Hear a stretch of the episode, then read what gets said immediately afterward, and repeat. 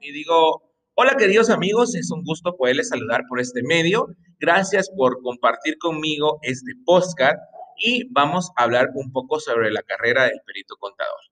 El perito contador, uno de sus fines primordiales es llevar la contabilidad de cada una de las empresas y ser completamente honesto, real con los informes y mantener una vida adecuada.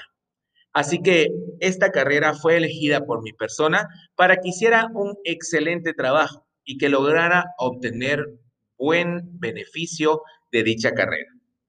Hoy en día es muy difícil obtener un empleo, pero con este tipo de carreras que hoy en día nos está ofreciendo eh, la institución, he decidido optar por una de las mejores, la cual me brinda un título para poder desarrollarme en cualquier ámbito empresarial.